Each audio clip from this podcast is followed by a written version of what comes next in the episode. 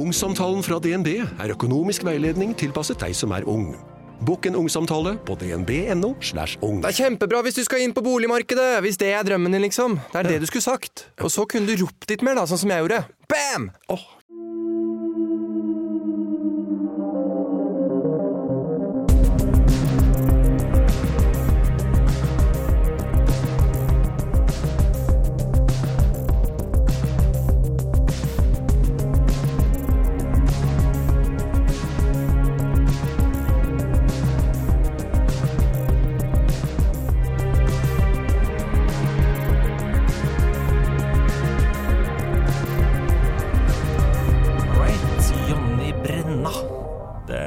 interessant. Jeg tror det blir kjempegøy. Jonny Brenna jobbet jo som politimann i mange år. Han var jo spaner, og han jobbet veldig tett opp mot David Toska og ransmiljøet. Og hvem vet, kanskje han veit hvor eh, noen av alle disse pengene forsvant? Jeg tror det skal være rett borti her. 150 meter, sier GPS-en.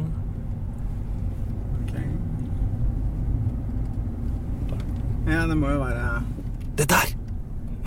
Du tuller med meg. Nei! Det er jo den herskapsvillaen.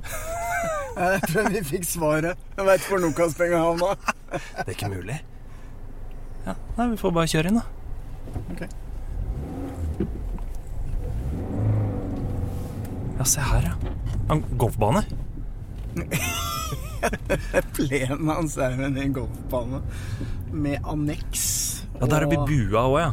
For de som ikke kjenner bua, så er det et lite anneks som han har bygd på eh, estaten sin her. De som følger Jonny Brenna på Facebook, de vet uh, hva det her er. Der står han og venter på oss òg, så da er det bare å parkere. All right. Halloi. Hei, hei. Kom inn. Det er i gang allerede, er det sånn? Vi er i gang. Ja, typisk. med, en, med en gang. Halla. Det er helt vanlig. Men du, Jeg må bare stille deg følgende spørsmål med en gang. Når jeg ser dette palasset her med egen golfbane og eh, fire hus på tomta eh, Det her ranstupet uh, Ja, altså, det er klart at uh, Nokas-penger, de er borte. Det skal jeg bare si med en gang. de finner du ikke. De finner du ikke. investert her. De er her. Se her, ja. Her er det berømte, den berømte bua. Her er bua. Dette er bua. Der har vi sett på internett. Her foregår det ting, altså. Her har du hatt Snikkebua. Men eh, hva er dette hva du bruker det til? En sånn eh, når du trenger litt fred og ro Dette fra er, dette er egentlig sånn eh, Dette er sommerbu, da. Så, så vi, det er hytta vår. Så når vi går til at hytta skal overnatte, overnatte på sånn family, så går vi hit. Gjerne. Det er hytta vår. Og så, så er det jo sånn festlige sammenkomster, da. Så det er jo her Sitter her ti-tolv stykker og ja, godt, godt med drikke og synger og danser litt her og gitar og sånne ting. Så det er, det er, det er en fest. En liten Du har bygd det selv? Ja, det er lafta. Det er et byggesett, så jeg har jo liksom vært Jeg har hatt hjelp til det, det har jeg, men, eh, men det er klart det er jo, jeg har vært, jeg har vært med på det meste her, ja. Hvem er den mest kjente personen du har hatt i bua? Utenom Stein Morten Ja, han er rapperen, da. Han eh, Vinni. Vinni, ja. sånn. Vinni er vel den mest kjente som har vært her. Det var også en podkast Men hva er det for podkast? om menn og følelser. Det var sånn jeg satt og vrei meg hele tida. Det var vanskelig. Det var vanskelig, det var en vanskelig Det, podkast. det skal vi ikke tenke Det på. skal det skal ikke vi snakke om. Skal vi, skal vi sette oss ned? Ja, la oss sitte her. Jeg tror her? vi Så her er det jo litt sånn luftig og fint og Det vi vil eh, snakke med deg om, selvfølgelig Denne podkasten handler jo om å treffe true crime-intervjuobjekter som kan fortelle oss litt om eh, litt spennende historier. Det er jo det det handler om. Ja. Og vi vil jo gjerne høre om den tida hvor du uh, jobba som spaner, selvfølgelig, i Oslo. Og jobba opp mot ransmiljøet og Tveita-gjengen og, og løp rundt og prøvde å, å opp på disse gutta. Eh, spørsmålet er jo selvfølgelig hvor vi skal starte. Ja. Det er jo sånn at Alle gode historier starter med begynnelsen. Ja. Så kanskje vi skal starte der, da du begynte som spaner. Ja. Ja, nei, det var eh, litt sånn tilfeldigvis. Jeg, på, jeg var på Majorstua Dette er vi snakker om 93. Men det er klart at Majorstua det var ikke der jeg syntes det var greit å jobbe. Jeg syntes det var litt kjedelig der, rett og slett. Og så skulle vi på, på en sånn skytegodkjenning, og så husker jeg at jeg havna, kjørte oppover eh, på Løvenskioldbanen der sammen med, med en dame som jobber på Majorstua. Jeg visste ikke hvem hun var, men så, så sa jeg at jeg hadde tenkt igjennom liksom, det jeg, kunne tenke meg, sa jeg. Det er å jobbe med personspaning. For det, det syns jeg er interessant. Altså det med miljøer, personer. Visste jeg ikke noe mer om det, så, så sendte jeg en åpen søknad. Så viser jeg at hun var jo gift med han som var avdelingssjef på personspaningen. Det visste jo ikke jeg i det hele tatt. Så det var det ene. Og det andre var at dette her var i uh, 93. Hvor, uh, 92-93, hvor da Willy Hauglie sto på Tveita-senteret og sa at nå skal vi knuse den gjengen her. Så da oppretta man et prosjekt, et såkalt Tveita-prosjekt, fordi at det hadde vært mye ståk med den gjengen, og ikke minst den, det drapet av han, eh, Tom, eh, han, eh, han Bønnav oppe på Tveita. Han ble skutt av Tom Sigolsen. Så 1.11. i 93 så tropper jeg opp på, på Grønlandsleiret. Jeg tror det var sjette etasje. En rød sone inn der og begynte på personspaninga. For det første så, så, må du skjære deg gjennom lokalet, for alle røyker jo. Jeg røykte ikke. Uh, du ser jo I den lokalen der så ser du jo folk med sånne trange Ola-jeans, og alle hadde vester.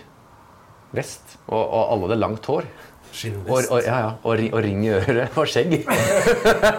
så, sånn at Kortene de spilte ut, var på en måte veldig mye av hvordan gatekriminelle så ut på den tiden. der, Sånn som Uropatruljen nå. De så jo ut som eh, hippier, ikke sant?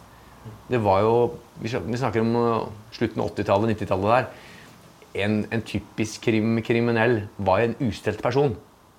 Med, med langt hår, tjafsete hår, med antrekk som ikke så ut og, og uh, rett og slett så ut som en, gate, gatekriminell. Eller, eller, eller, narkoman. ikke sant? De så jo sånn ut.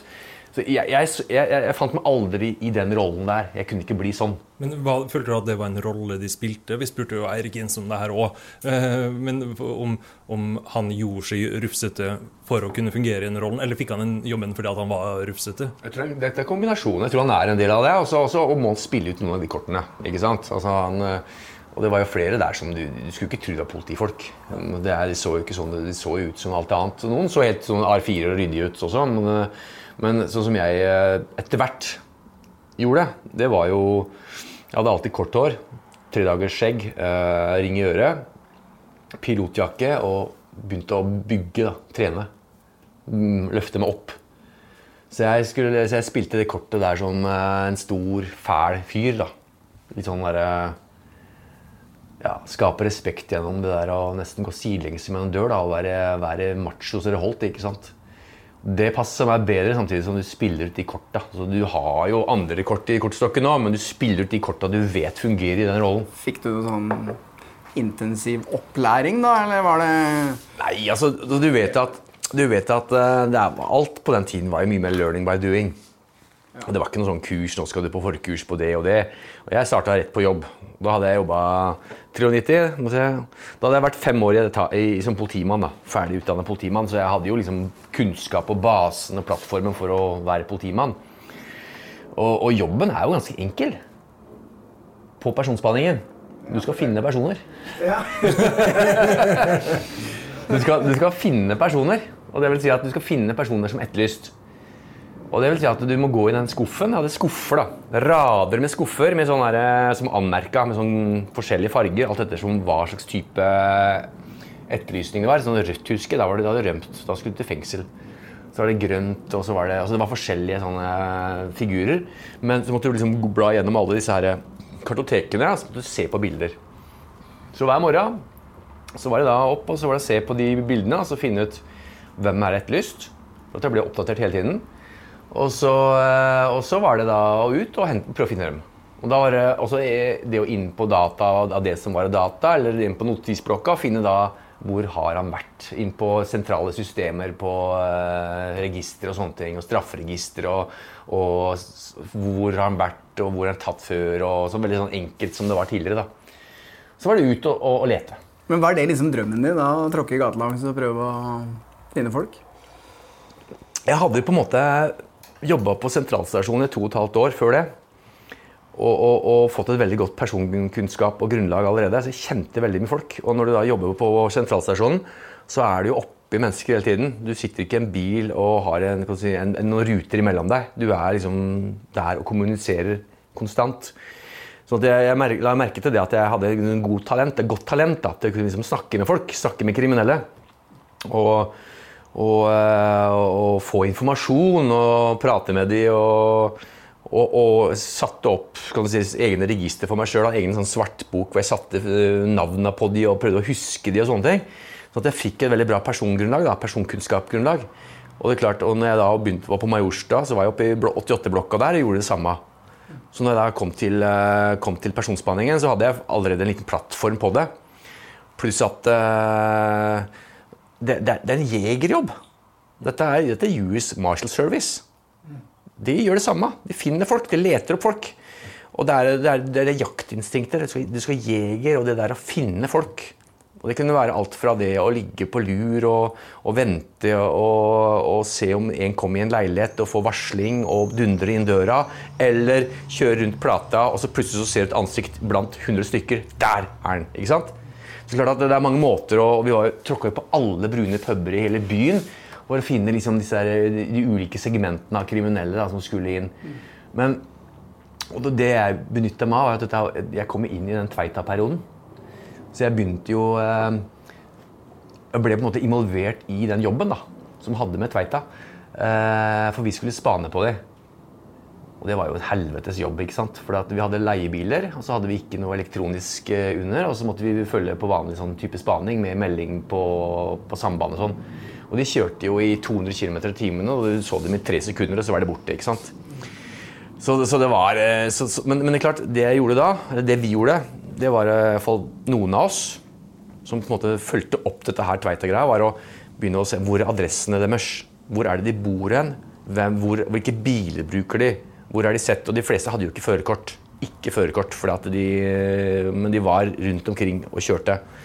Og det var jo noe å ta de på ta de uten førerkort. Vi hadde punkting. Vi kjørte jo Tveita-runde. Vi kjørte sånn en liten Tveita-runde og en stor Tveita-runde, vi kalte det, for liksom, hvor de bodde. Og da så du jo aktivitet. Du så andre biler. Og du visste hvor de vaska bilene sine hen. Du så etter hvert lagde mønster. Var på Mafiatorvet, for der, der, der, visste de at der var det verksteder hvor de frekventerte. Ma mafia. Økeren. Økeren? Ja. Ble kalt for Mafiatorget? Mafiatorget, ja. Så vi, så, det klart, vi, så vi punkta det, og så var det flere av de etterlyst. Ja. Og, og, da brukte jeg all tid på å lete dem opp. ikke sant? Og lage feller for dem. Uh, og, og, og, det er klart Det som var sånn, sånn typisk, er det Har de en dame? Hvem er dama? Det, det slo aldri feil. På et tidspunkt så, skulle, så kommer de hjem til den dama. Så fant du ut hvor, eller hvor, eller hvor kjæresten eller hvilken dame det var, så var du nesten i mål. Og da var det å alliere seg med naboer. Alliere seg med folk som var i området. Det kunne være vaktmesteren, det kunne være naboen.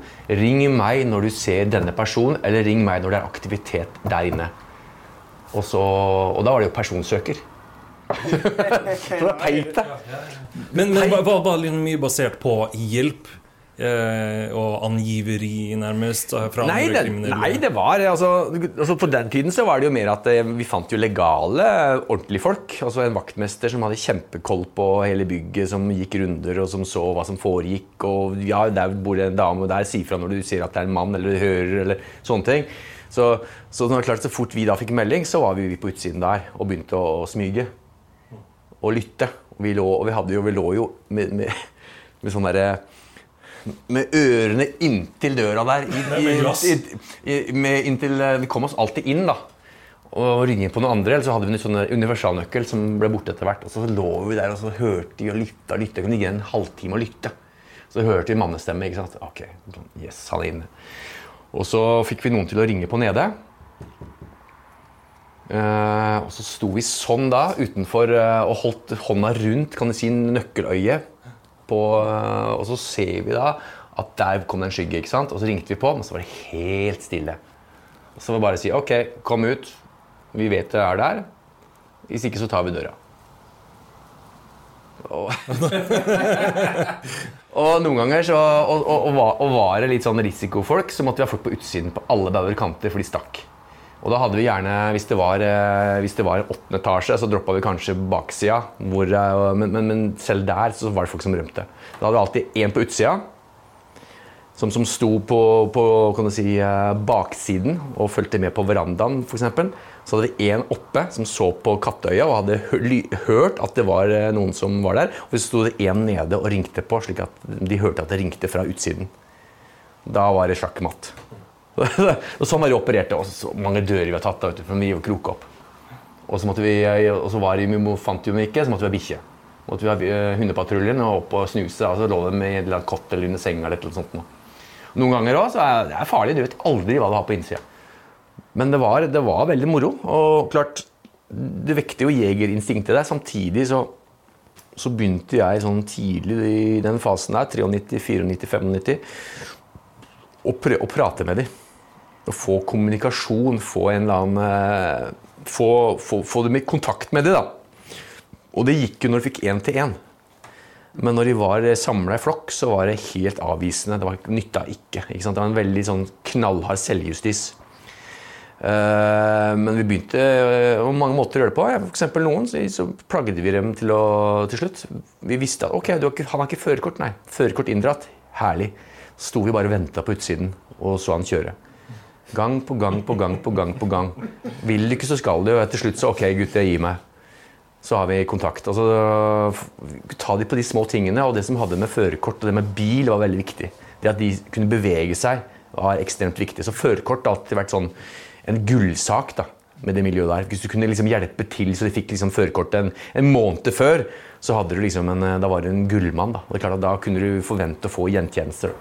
Men Fortell om eh, Tveita-gjengen, for det har jo blitt et begrep. Og de satte jo spor etter seg. Altså, Tveita-gjengen er jo Det ble kalt for Tveita-gjengen, men klart at uh, den Tveita-gjengen som vi snakker om uh, her, er nok mer, litt mer så misvisende. Men, men, det hadde vel sine røtter på Tveita. Og så var hun en del av de, uh, de kjente første gutta som er født på sånn midten og slutten av 60-tallet, som, som, begynte å vanke litt på Tveita i det momentet rundt sånn 86-87. Som, eh, som utvikla seg, og de drev med vinningskriminalitet. Altså de stjal ting. Men, men, det var liksom ikke den vanlige. De gikk ikke rundt på, til naboen og til vanlige folk, for det var rusmisbrukere som gjorde det. Så de, de forholdt seg til eh, butikker og eh, lagre og ja, så så det ble mer en forsikringssak da, og ikke, ikke, ikke vanlige folk. Det, og, og, derfra så, så, bygde de seg opp da, med å, med å, med å stjele, med å lure, med tyveri. Og så begynte det sjokkbrekk. ikke sant? Begynte å sjokke, kjøre biler inn i monteret, rappe det som er av verdier, stikke av før noen kom. Jobbe i lag, gjerne med finlandshetter. ikke sant? Og de var, begynte å organisere seg. Eh, de tok minibanker, sprenge minibanker ganske tidlig. Vil du si at de representerte en eller annen form for profesjonalisering av eh, vinningskriminaliteten i Norge? Ja, de var helt klart uh, banebrytende når det gjaldt å profesjonalisere um, kan du si, vinningskriminalitet. Eller alt det de har holdt på med, har de vært banebrytende på, på sine sjangre. Sånn at det med vinningskriminalitet, de var helt klart de første. Altså, de var de første. Uh, du kan si Minibanksprengninger, de var også de første. Bankran Mm, organiserte bankran, de var de første. Eh, ta tellesentraler og, og, verditransporter, de var de første. Så de var banebrytende i alt de drev med. De bygde seg på en måte opp da, fra, fra sånn type butikkriminalitet, vinning, lager, til å ende seg på tellesentralen til slutt. Husker du liksom den episoden som var i skillet? Ja, jeg husker veldig mange av de skillene, egentlig. Du kan si at uh, når jeg begynte i 93, så, så var det veldig mye av den derre uh, ta lageret ta diesellageret med bukser, ikke sant. Uh, og elektrobutikker begynte med mobiltelefoner den tida der. og, etter hvert, og det kom det, altså de var Der det var verdier, da, der var de også. Og de hadde jo mye innsideinformasjon. Så de, de, hadde jo kunnskap, og de hadde drevet spana, og, og, og, de hadde på en måte kartet, og de hadde organisert seg, og de planla eh, aksjonene. Men det som var eh, problemet for dem, var helreddet. For det er klart at det de stjeler, og det de får igjen av heleren, er jo, er prosenter. Pluss at heleleddet var også ustabilt. Plutselig så var det noe som tysta. Ikke sant? Så, så, så da hadde vi en, et mellomledd som på en måte forstyrra de. Eh, men jeg husker jo i 97 så var det to ran på Bien Sparebank som gikk, eh, som, som, som ga føringer at nå er det noe nytt. Da var det raske biler. Det var eh, tre-fire stykker med, med, med finlandshetter og med, med sånn kjeledressaktig antrekk. Og to håndsvåpen, altså maskingevær, maskinpistoler. Der er det, er det, er det et skifte. Og så har det vært spekulert i om det var miljøet. Det har aldri vært sånn tydelig at det er det, men, men i hvert fall i, i Rosenkrantz gate, Nordlandsbanken som gikk der like etterpå, det var garantert miljøet. Og det var på samme måten. Rask bil, inn, sjokke, med tohåndsvåpen, med uniformering. Og så etterpå så var det Fornebu. Garantert miljøet. Men hvordan, hvordan reagerte ja, politiet og du på den endringen? Det må jo ha kommet litt som et sjokk på dere, eller? Det, det kom veldig fort. Og så er det slik at vi som da var ute, og som hadde, hadde dette her som førstehåndsinformasjon, og som på en måte var ute og kjente lukta av det, kjente kruttrøyken Vi, eh, vi vil jo at det skal, at det skal responderes først, uh, fort. Her, nå må skje noe, for at, uh, dette her går jo, nå, nå går de på et, et hakk opp. Nå er, det, nå er det ikke bare en forsikringssak lenger, for nå, nå ødelegger du faktisk mennesker på din vei. Det er folk som aldri kom tilbake på jobb etter de eh, opplevelsene de hadde i banken. ikke sant? Sånn at eh, vi, jeg har alltid vært Nå må vi gjøre noe. Og så, og så får vi da 98, hvor du da får eh, verditransporten ut i Enebakk. Da er det første verditransporten som tas, og da, da liksom går de opp et steg til. For der er det, der er det enda mer penger. Og så fortsetter det med, med, med, verditransporter, så du får en sånn bølge av verditransporter. Det var sånn at når du sto opp om morgenen, så det første jeg gjorde, var jo å sjekke tekst-TV. Hvor har det vært ran i natt? For det var noe nesten hver uke vet du, en periode. Masse, masse verditransporter. Og så, og så kommer da eh, millenniumsranet, eller det som var eh, egentlig en verditransport. Men de kom jo da inn i tellesentralen. Men ikke i selve kjernen av tellesentralen. Det var jo 28.12.99. Hvil- Hvilken telesentral? Eh, den oppe på Lørenfall- eh, Lørenfaret. Den ble tatt. Den ble tatt. Eh, og da er det jo da, da har det liksom gått ifra vinning på lager til eh, og, og minibanksprengninger, som er det, det det er forsikringssak, til å ta banker, organisert bankran, til å ta, ta verditransporter, til å ta tellesentraler. Da, da ser du liksom grovheten, hvordan det øker. Mens det er folk til stede. Og da er det folk til stede. Ja, ja. Og da, da er det jo når det gjelder eh, når det gjelder eh, verditransporter og sånt, og så er det jo da mer Securitas og så, vektere som får, som får lide. Mens på bankene så er det jo bankansatte, og på, no, på verditransportene på telesentralene så er det jo da de ansatte der også. Så, så klart at eh, den kom 28.12.99, det husker jeg veldig godt, for da kjørte jeg rett inn eh, på jobb. Det var miljø. Så husker jeg veldig godt 14.8.2000. Da fart jeg, det er på bursdagen min faktisk. Og da var jeg ute og la en sånn stein, steinheller utenfor en sånn uteplass nede i Moss. Og så ser jeg en helikopter og greier, og så faen hva som skjer, og så får jeg telefoner, og så har de tatt uh, Lørenfar igjen. Og da har de tatt, da har de tatt- selve tellesentralen, altså opp i etasjene, og, og hadde på seg politiuniformer. Kommet inn med, med, med en Volvo jeg tror det var 850 med blålys på taket og agert som politifolk. Tatt gissel og kommet kom ut med svære bager med, med penger. Er liksom, da ser du sånn, hvordan, hvordan grovheten har endra seg, da. og hvor profesjonal, profesjonaliteten har økt. Så, så for meg da, som holdt på med det miljøet der, siden 93, så var jo dette her eh, det var ekstremt spennende. Det var det mest spennende miljøet du hadde i Oslo. I Norge. Utvilsomt. Og, og det, veldig mange av de har jo kunnskap og ressurser. Dette er ikke tullinger, rusmisbrukere, bare, som, som, som er på et lavt nivå. Så, så dette her var jo organisert kriminalitet på, på, på det mest ypperste som var på den tiden. Og det var mye av det. I en tidlig fase så var nok dette her folk som eh, Som var spenningssøkende ungdom. Eh, noen selvfølgelig med det tradi tradisjonelle familiebakgrunnen, dårlig oppvekst osv., men ikke alle. Eh, men de fant hverandre i spenning og motor. Sånn at eh, det, interessen for motor, eh, MC, raske biler, det var jo på en måte noe av det som fanga det i en tidlig fase. Og i starten så ble det jo kalt for Cosworth-ligaen. For Cosworth-ligaen. Og det betyr Ford Cosworth. Oh, ja. Fordi det var jo, det var jo ikke, en, det var ikke en Cosworth i Oslo som ikke ble stjålet eller flere ganger. Av, den, av det miljøet der. For den gikk fort. Den gikk fort. Det var den råeste gatebilen på den tida der. Mye måtte sette deg opp i hva var det som er raskeste bilen om dagen. Eh, så det var to ting du kunne fange dem på når det gjaldt det å snakke om interesser. For det var på en måte todelt. Det var, ene var bil, motorsykkel, og den andre var trening.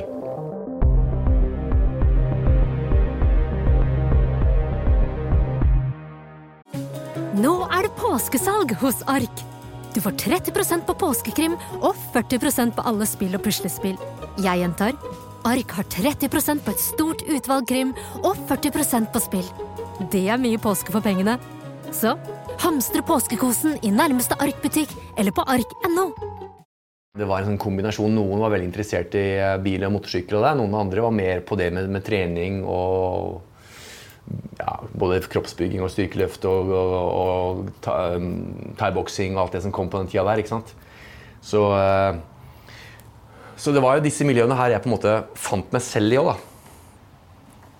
For det, det er jo de interessene og de menneskene og de typene som man er. Men det er jo en del av det sjøl òg. For du er interessert i bil. Det står en hva er det, Toyota Ja, den er, den, ikke, den, den, er, den er ikke veldig interessant. Den er ikke veldig interessant. Det står noe annet i garasjen her, men det er jo ikke noe Men, men det var Det er mer type. Ja. Altså at du på en måte er en type hvor du finner de, og de finner deg. At man greier å kommunisere. Man skjønner at vi er egentlig ganske like. De sier 'du er jævla kul'. Det er fordi at jeg bare er meg sjøl, pluss at jeg spiller ut de korta som jeg vet eh, fungerer i, i den rollen. da. Ja, vil du si at eh, de, de kjente vel godt til deg, gjorde de ikke det? For å si det rett ut, i, i 2002 så var navnet mitt så belasta i Oslo. Og det gjaldt ikke bare i, eh, i eh, dette miljøet, men, jeg roter også nede i byen der med torpedoer og, og dørvaktmiljø og det der. At, eh, at jeg hørte historier om meg overalt. Det ble planta historier hit og dit. Det var Jonny Brenna overalt. Det var, var helt sjukt. Så, så, så jeg fikk faktisk en karantene for å være ute eh, i 2000 og 2003 fordi at det ble, det ble for belastende. Da hadde jeg holdt på i ti år, da. Så det var liksom på, kanskje på tide òg. Men var du på mange måter eh, hva skal jeg si for noe, Tveiteiengens, ransmiljøets nemesis? Var det litt sånn de så på deg? Ja. Og de var sånn at de meldte jo, når de så den der 850, den svarte 850 vi kjørte rundt i, som jeg pleier å kjøre rundt i, da. Når de så den, så var Jonny Brennar er der. Jonny Brenna er der. Så jeg, jeg har masse kilder, ikke sant. Jaså, du er der nå? Jaså, du er der nå? De sender jo til meg, ikke sant. Så jeg var hjemme. Ja, hadde turnus. Ja, hadde jo turnus. Så klart at eh, jeg satt hjemme og kanskje tok en kald øl, så hørte jeg at nå var jeg der, og jeg svarer jo ikke på det. Men snakket de med deg? Ja, jeg hadde jo, hadde jo flere og flere jeg på en måte fikk god kontakt med, og som, eh, som ble folk som jeg fikk informasjon fra. Og det er klart at eh, Pga. den lange fartstida i det miljøet der, så var jeg den eneste som egentlig hadde noe særlig liksom, kontakter eller oversikt eller snakka med eller hadde si, kilder i det miljøet der. Fordi, og det er klart Når det da smeller i Stavanger da, i 2004, så blir dette her alvorlig. ikke sant? Og da er jo, der sitter jo jeg der fortsatt med, med full oversikt over persongalleriet, og hvem de er, og hvilket lag de er på, hvordan de er organisert, og hvilke preferanser de har på biler og tohåndsvåpen, og hvordan de jobber, og hvordan de spaner. og alt det der. Jeg hadde jo alt dette her under huden, ikke sant? Og var jo den eneste som på en måte holdt i dette her hele veien. Så da blir du plutselig en veldig sentral figur, da. Også innad i politiet de åra der. Hvorfor jeg fløy rundt og holdt foredrag om det der. Mange syntes at dette var knasende god underholdning ikke sant? å høre på dette her og hva de holdt på med det i Oslo. Men dette var jo, det var jo realiteten. Så 99 og 2000 og litt utover der så fløy jeg rundt og i hadde to, to foredrag i uka for andre politifolk. Ja. Så det, Det ble liksom rollen din. Men jeg tenker eh, Vi må jo ha sett Det var jo farlige folk, dette her. Du sier det jo selv. De, eh, de eh, gikk jo ikke liksom av veien for å bruke våpen. Nei da, og det er klart at det, det som er farlig Jeg eh, har aldri følt at de på en måte i en, i en rasjonell fase er farlig. For de er altfor smarte til å, å gjøre noe i en rasjonell fase. Dvs. Si, når du ikke er rus. da. Men når de sitter rundt et bord og drar i seg kokain, og ene eller andre begynner å ja, fokke hverandre opp og snakke om Jonny Brønna og historier her, ja, nå, nå drar vi ut og nå tar vi den. Det er der det er farlig. Så Derfor har det alltid vært veldig viktig å ikke vise, eller i hvert fall holde adressen skjult. da. Så det har vært veldig viktig. At ikke de veit hvor jeg bor hen. Er det derfor du flytta ut av Oslo, eller? Alle politifolk som må drive med noe sånt, bor jo ikke i Oslo. De vil jo ikke bo i Oslo. Fordi da, da tråkker du opp der og møter det. Det er godt å få den der eh, avstanden ut. Så det har alltid vært en Samtidig så, når du jobber med dette her i byen, så, så vil ikke du at barna dine skal vokse opp med dette her. Så du, du finner gjerne steder på utsida da. Det er helt normalt. Det var iallfall normalt. Men fikk du mye trusler som du anså som De truslene, de truslene jeg fikk, det var via, jeg hørte jeg via via. Og da, og da er det litt sånn Ok, hvilken setting og hvordan ble det sagt? De truslene jeg får når jeg pågriper deg, det har jeg aldri brydd meg så veldig mye om. For da har du i affekten, har du drittsekk. Ok, jeg kan være drittsekk tilbake igjen. Du slenger med leppa, greit. Jeg kan slenge med leppa igjen. Vi hadde jo en sånn Den oppførselen du har, den får du tilbake igjen. For det eneste du respekterer. Dette er bikkjekultur. Sånn Vi hadde jo vi hadde jo eh, sånn kommunikasjonskurs i forbindelse med, med når vi hadde kurs innenfor informantbehandling. Og hadde en psykolog da, som kom og fortalte om hvordan du skal kroppsspråk og hvordan du skal liksom ja, Den klassiske konflikthåndteringen, da, som er å være ydmyk og empati og lytte og sånne ting. Og da husker jeg bare sånn ri- ri- rista på huet. og Dette her vil jo aldri fungere med det miljøet her. Fordi at de respekterer jo ikke det altså vennlighet fra det, fra det miljøet her. Det er ansett som svakhet. Det var bare et språk de skjønte. Ja, men det er, det er som, det er som bikkjer, ikke sant? Det er, det er eh, Jo, men det er bikkjekultur. Det, du det du skjønner, det, det du skjønner, det er som du respekterer, er at det er en som er like tøff som deg sjøl. Og når du møter en som tester deg, for den testa deg, går rett i strupen på deg mer eller mindre, og er knalltøffe verbalt og er der, så ok, backer du unna. Eller hva gjør du for noe? Og Hvis du da drar opp tråden og viser at du er ikke redd, så, så går det kanskje et minutt eller to, og så er det handshake og tested and improved, ikke sant? Så det var en, en helt Og det, det, det var for at de, de var veldig De spilte veldig på det, de òg, da. Det å være macho. Det å være knallhard. Eh, mange av de brukte sentralstimulerende. Det blir jo ikke noe mindre ydmyk da. Så det er klart at Når du møter de der i fri utfoldelse på den måten der, så, så må, du, må du svare med, med litt av den samme mynt. For det er det eneste de, de skjønner. Kan du huske en spesiell episode hvor, eh, hvor det ble litt Hva skal jeg si for noe? Du følte det litt uh, dramatisk? Nei, men det er sånn, ty en sånn typisk episode. da. Vi, vi, vi ser en, en bil som, som er linka til en av de ransfolka. ikke sant? En kjent person. Og så setter vi på blålysa, og så stopper den. Og så Vanlig er jo at vedkommende sitter der og venter til du kommer og du går fram. Men det, sånn skjer jo ikke her. Nå står vedkommende på utsida av døra di. De ringer til advokaten sin og spør hva faen er det du vil. Ikke sant? Da er vi der. Ok, jeg går ut av, det, ut av min side og så går jeg opp i trynet på han, og så, og så sier jeg hva faen er det du vil for noe? Hvor kommer du ut her nå? Og så kjører vi, og så er det to, som to bikkjer som står der og gneldrer. Faller ned. Rolig prat. Handshake. Respekt. Tar ikke imot møkk. For de, de gjorde det helt på, på purpose. Det var flere unge konstabler i uniform da, som, som, eh, som, som, som, som stoppa de. Og jeg er sikker på at eh, den behandlingen den, den de fikk av de gutta der, de så vekk neste gang de så den personen. De ville ikke stoppe det på nytt igjen. Det var helt vanlig. Så jeg så i det mønsteret. Jeg visste hvordan de, hvordan de agerte. Så du blir jo nesten gæren sjøl òg. Du blir jo en sånn fyr. For hadde du noen familie på den tida? Den mest Ja, intense perioden? Altså, jeg husker jo, jeg husker jo eh, På den tida så bodde jeg i Drøbak. Et byggefelt i Drøbak. Og så på den tiden skulle på dagvakt, da, så har de jo ta bussen inn. Da Da er det sånn, stiller folk seg opp på den der eh, bussholdeplassen der. Og da er det jo sånn pene bukser og skjorter og skjørt og sånn besteborgerlig. Kommer jeg da med joggebukse og en slitt T-skjorte og ring i øret og, og pilotjakke og skjeggete og svær. Jeg hadde stor plass på hver min side. Jeg fikk, jeg fikk lov til å sitte klin aleine på, på bussen. Det var ingen som satte seg ved siden av meg. vet du. Og folk reiste seg opp hvis du kom. Så, så, de, så, så, det var litt forskjellige typer jobber, da. Og så husker jeg at de gangene jeg liksom snakka litt om jobben min, så var jo folk, folk var helt i fissel, for de trodde ikke at det var mulig. vet du. Dette var jo science fiction, dette var jo krimhistorie. Dette har de sett bare på TV. Samtidig så var det veldig vanskelig å være sosial, for jeg kunne ikke snakke om noe. Så du ble jo veldig sånn prega av det. Altså, hvem, hvem er det du kan snakke om disse tingene? Det er jo kolleger. Så jeg var jo, prøvde å være, prøvde, var jo ikke sosial, ville ikke ut blant folk, for jeg hadde jo ingenting å snakke om. Så det var jo, det ble jo Så du ble veldig spesiell, da. Du ble prega av det, altså. Du ble, pre, du ble prega av å jobbe med dette her i så mange år. Kom isbilen, da. Kom i spill. Løper du ut og kjøper noe? Du kjøper isspill.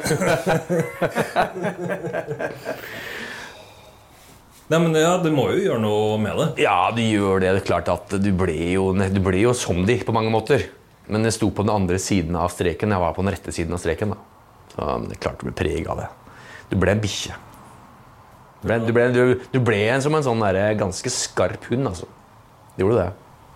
Du var på riktig side av den streken. Av loven, ja. Men uh, har det alltid vært uh, en selvfølge for din del? Ja. Jeg har alltid hatt en grei oppvekst og idrett og bla, bla. Alt det der. Søkte meg inn på, Jeg hadde tre options. Krigsskolen, Politiskolen eller Idrettshøgskolen. Jeg kom inn på Politiskolen, så det, er sånn, det har aldri vært noe ikke vært noe issues på det. det er trygge, greie omgivelser. Men har du liksom opplevd det når man jobber så tett opp mot sånne miljøer?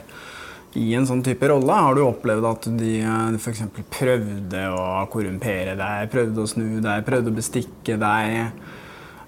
Det ville vært naturlig kanskje å prøve på det? Ja, men det var litt andre tider, da. Og det klarte at Kan du fikse et førerkort, liksom? Ja, Det kan vi se om vi får til. For det var mulig på den tida der. Eh, Du har be- beslaglagt førerkortet og sånn og sånn, og så har du så og så mange kjøringer uten førerkort, og så har du? Så må jeg inn og så må jeg se på, på registrene her og se hvor alvorlig dette er. Og så går jeg ned til juristen og så hører jeg hvordan det ligger an med saken. Og så sier han at ja, det ligger an til at den får den tilbake om tre måneder. Ja, kan ikke vi få den litt, få den litt morra? Det var liksom greit. Kan ikke vi få den i morgen? For det, jo, ja, så, så sa jeg men du, han, han der har, kan hjelpe oss videre. Og, ja, men det, det gikk an på den tida der. Og, da, og det er klart at når jeg da møtte han neste gang og hadde med førerkortet i hånda mi, eller mindre, eller han kunne gå ut og skrive ut førerkortet sitt, klart at det, det betydde mye. altså. Ja, Vil du si at på den tiden så var det liksom mer, det var liksom mer greit å gi og ta litt? Ja. Ja. Det var helt vanlig. Det var, eh, det var jo slik at eh, Det var jo altså Det var jo noen Dette gikk jo over stokk og stein. vet du. Det var jo, de holdt på med å stjele biler. ikke sant? Brukte bilene. Og så, når bilene var ferdig, så ringte de med en eller annen, en, en eller annen sentral fyr på, på vinningsavsnittet på Oslo og sa at du, det vet om en stjålet bil. Å ja. Så fikk de dusør for den. Og det, og det, og det, det, det, Sånn var det. det. Har ikke jeg gjort, men jeg vet at sånn var det jo. Altså, De stjal en bil, og de eh, brukte den bilen til det de skulle gjøre. og Så parkerte den et sted, og så ringte den han der fyren. Du, jeg har fått, jeg vet, Og så har de selvfølgelig rengjort bilen, så det er nytter ikke å finne noe greier. Og så, så fikk de også dusør for at, forsikringspenger da, for å finne tilbake bilen. Så det var, eh, det var, jo, det var jo sånn. Det er litt sånn Chaplin og hele greia. Det er han som løp foran og knuste ruter, og så kom Chaplin etter og fiksa rutene, liksom. Og så, ja, ja. Men altså Det, altså, det, det jeg har gjort Sånne ting. Altså, jeg har en historie på det der som, som, som, er, som er langt ute på kanten, egentlig. Men, men det gikk an. Og det var, det var en, en sånn M3, en sånn der, eh, verstingbil, som eh, ble stjålet eh, i Sverige. Rett over grensa på en natt. da. Og det har altså vært vill baluba og et helvetes jakt på den bilen. og Den forsvant innover til Norge. Og det var helikopter på den. Det var, ikke mye, det var, helt uh, sinnssykt. Så skjønte jeg at her, her er det folk jeg kjenner. ikke sant? Og begynte, fikk noen telefoner, begynte å ringe noen telefoner, og så skjønte jeg at jo, jo, dette er gutta. Så sa jeg at du, etter en litt sånn forhandling, den bilen der, den skal du parkere på Mafiatorget. Hvis ikke så blir det et helvete. Da skal, vi, skal, du, skal du få, kjørt deg skikkelig. Ok, greit nok. Og så fikk jeg telefon seinere. Vi kan møtes på Mafiatorvet sånn og sånn. Og da kjørte vi på Mafiatorget, meg og kollegaen min, og så sto BMW-en der, en M3. Så så vi på en M3 der, og ja, fin bil det. Og så, og så gikk gutta liksom litt bort. Men så kom de tilbake da, og så spurte de vil, vil det bli eh, noe sånn der eh, teknisk eh, sporsikring på den bilen der. Ja, det kan være, sa jeg. Ok, da gikk de alle inn og begynte å rengjøre bilen. Mens de sto og så på. Mens vi sto og så på. Fikk lov å vaske den. Ja, bilen. Og, og så dro de. Så tenkte jeg faen, vi må jo teste den da, mens Viking, mens Viking kom. da. Så Før den kom, så satt vi inne i bilen og dro på litt og testa den litt sjøl òg. Så kom Viking og henta den. Og da, da skrev vi bare funnmelding. Funnet bil på Mafiatorget. Ikke sant? Det var jo ikke noe Det hadde jo ikke gått an i dag, det. Tilfeldigvis så sto den Ja, tilfeldigvis så fant vi bilen. Det hadde ikke gått an i dag. Men det var jo en fin måte å løse ting Ja, vi, på. da. altså, vi var praktiske. Vi, vi tenkte praktisk, og vi tenkte at eh, det er bedre at bilen kommer til stedet enn at den blir slakta. At den blir borte. Så vi fiksa den, og vi, vi, vi holder vårt ord. Vi vet hvem som har tatt den, vi vet hvem som kom med den, vi vet hvem som har vært inne og rengjort bilen. Det er greit, dere, vi holder ord, ord. Vi har funnet bilen. Ferdig med det. Stol på oss. Og det gjorde vi. Klart at det, det ble jo noen rykter innad i miljøene som nådde andre politiører. Det var jo ikke helt i henhold til, men det var sånn det gikk an. da. Hadde aldri gått i dag. En annen, en, vi, vi, det var en som, eh, en som måtte ha en uh, permisjon. En, av- en, ja, greit. Vi Fikser det, vi. Fra fengsel. Ja, og det var eh, sosiale grunner. Så fiksa vi den, og for takk så, han, så dro vi hjem til og inn, han viste, og innunder en plass så fant han et våpen. Fikk vi en, en politirevolver som, eh, som, som eh, Takk for at vi gjorde dette her. Og det var en eh, politirevolver som har blitt mista et eller annet sted og, og havna i miljøet. Og det er funnmelding, da. Fant en revolver. En, en politipistol som En politirevolver. bare blir mista et sted. Hvordan Ja, det var noen som hadde altså Noen ganger så legger man ting oppe på taket på bilen, eksempel, etter man har vært, og så, så er våpenet blitt borte. Og så havner det selvfølgelig i det miljøet her. Og Sånne ting er jo Men takk for den. Vi, vil, vi er superglad for å få det vekk fra gata. Og vi gjorde en tjeneste. Fikk tjeneste tilbake igjen. Men det hadde ikke gått i dag, det. Det hadde aldri gått, det. Fant en revolver. For den kan jo lett spores tilbake til den politimannen Ja, men altså, hvordan fant du revolveren? Han skriver en ordentlig rapport, og det er ikke måte på hva dette her er for noe. og Er det klarert, og er det ikke klarert? ikke sant? Alt, så, sånne ting var ting som, sånn som hendte. Plutselig. Ting var jo ikke klarert. Hvis du kunne ha gått til en jurist og sagt at er det greit sånn og sånn, og at ting er klarert i forkant, så er det en annen ting. Men, men her var det jo ting som skjedde, og som oppsto underveis i en operasjon. Og da må du jo bare tenke klart, ja, men da Så tar vi selvfølgelig et par ord med, med en eh, jurist og sier at du, sånn og sånn var det da. Ah, Ok, greit. Så det var, det var jo mye mer sånn. Du kunne, du kunne fikse førerkort, du kunne ordne, få en bil tilbake. Plutselig så fikk du et tjenestevåpen som var ute. Du kunne liksom, fordi du hadde relasjoner til miljøet, du kjente de, de kjente deg, de stolte på deg, du, og at de ikke fikk den der paybacken eh, av systemet. da. For systemet, det, det er ofte den, den tyngste delen i, i operasjoner. Vil systemet eh, gå god for det? Eller får du den i, som en sånn rambukk i bakhuet? Men Hva er det som har skjedd da med systemet? Eller vil du kanskje ikke uttale så veldig mye om det? Nei, men det er klart at alt er jo blitt mye mer kan du si, firkanta på alle mulige måter. At alt skal jo gjennomklareres. Og så er det jo slik at eh, i dag så er det en helt annen gruppe som jobber i politiet. De, de tenker jo alltid først Har jeg lov til dette her? Mens vi tenkte ja, det er konsekvens, eh, sånn frykt. Fryktkonsekvens. Som har blitt, eh, kjørt inn i fra første stund. Mens vi tenkte mer muligheter. da. Hva er konsekvensen av å ikke gjøre det? Hvor, vi får til dette her? Ja, vi sier ikke fulle og hele sannheten, men det er jo ikke noe som er uh, galt. Men selvfølgelig, det er jo galt, men, men resultatet er jo mye bedre enn om du ikke gjør det. F.eks. førerkort, bil som er borte, eller et tjenestevåpen som du får tilbake. Det er sånn tre eksempler da, som gikk an på den tida der. Men dette ransmiljøet De, eh, de starta jo på, som du sier, på slutten av 90-tallet. Og det bare eskalerte og eskalerte. De, de fikk jo egentlig lov å holde på helt fram til eh, Nokas i 2004. Det er ganske mange år, da, og du var liksom en del av det. Hva tror du er årsaken til at eh, det gikk så lang tid? liksom, At de, de fikk lov å holde på så lenge? Tungt og vanskelig. Tungt og vanskelig, eh, kostbart. Eh, det de holdt på med, det var jo eh, organisert eh, vinningskriminalitet. Og så drev de med ran. Jeg husker ikke hva strafferammen var på den tiden, der, men det var, ikke, var det seks eller åtte år. på den tiden der. Kontra 200 gram heroin.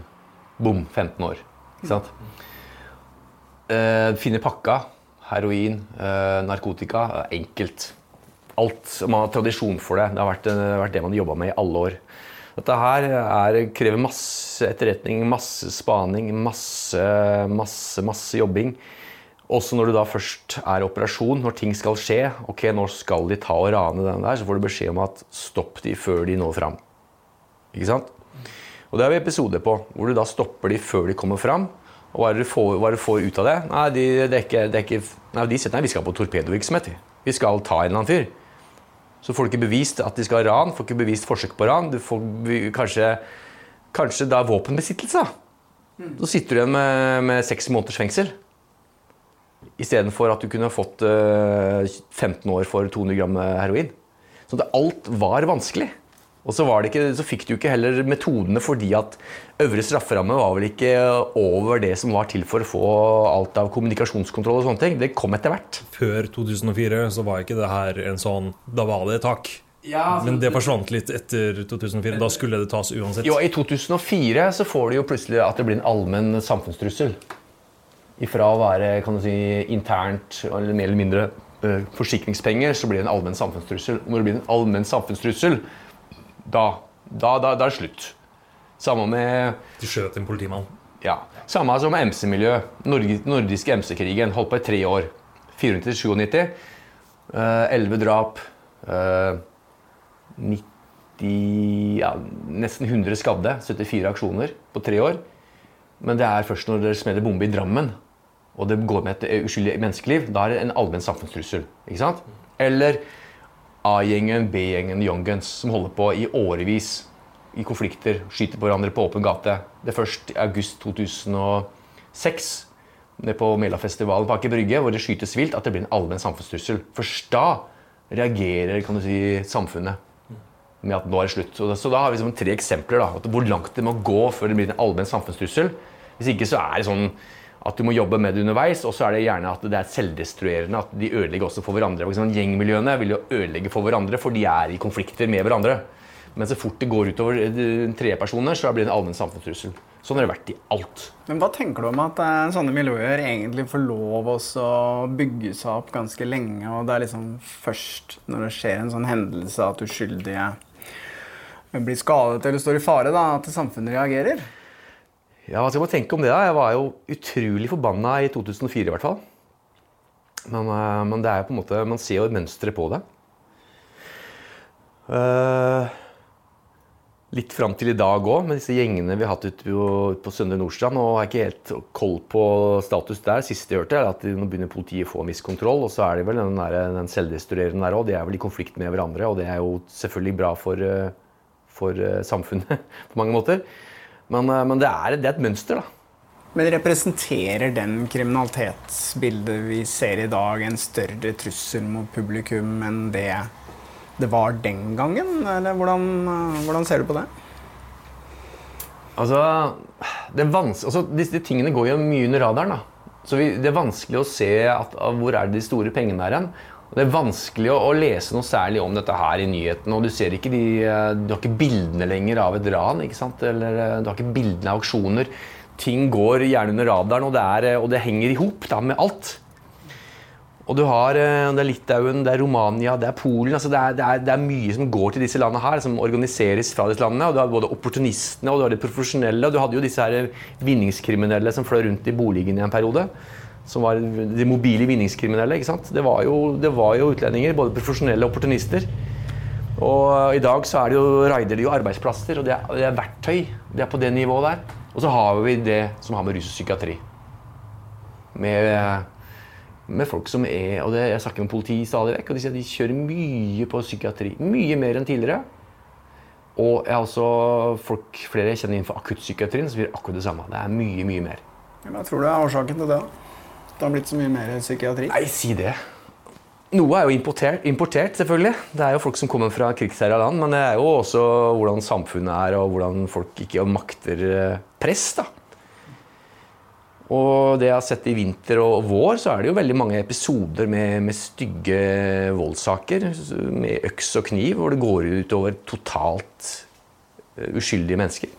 Du er jo litt opptatt av det. Jeg har jo sett på Facebook og sånn at du, eh, du er litt sånn ambassadør for å lære seg å forsvare seg selv. Ja, altså, jeg tenker jo det at når du da legger sammen det bildet med rus og psykiatri, i hvert fall det jeg hører fra mine gamle kolleger i politiet, pluss eh, akuttpsykiatrien, samtidig så ser, hører jeg om en politireform hvor politifolka er borte. Og det politifolka selv sier det. Så tenker jeg at ok, det er jo mye av sikkerheten som samfunnet egentlig har et ansvar for å, å ivareta, borte. Da bør du kanskje gjøre noe med det sjøl, da. Og jeg er i hvert fall en, ambassadør for det. at uh, Ta ansvar for egen sikkerhet. da. Og Du trenger ikke å gå på kurs for å lære å slå, men bare det å være oppmerksom. Vær, vær litt, ikke, ikke, følg med mobilen, bare oppmerksom og følg med hvor det går. Og vær litt i gatesmart, så har du gjort en, en formidabel jobb. Så, så, og det er det bildet jeg ser, da. Men du driver med Jeg har sett bilder av noe kampsportsaktivitet, noe som heter for krav maga. Hva, hva, er det her krav maga for noe? Krav maga er en selvforsvarsgren som, som er, kommer fra Israel som i utgangspunktet er eh, lagd i sin tid for at soldater skulle lære seg noe fort for å kunne bruke det i strid, og noe som funka.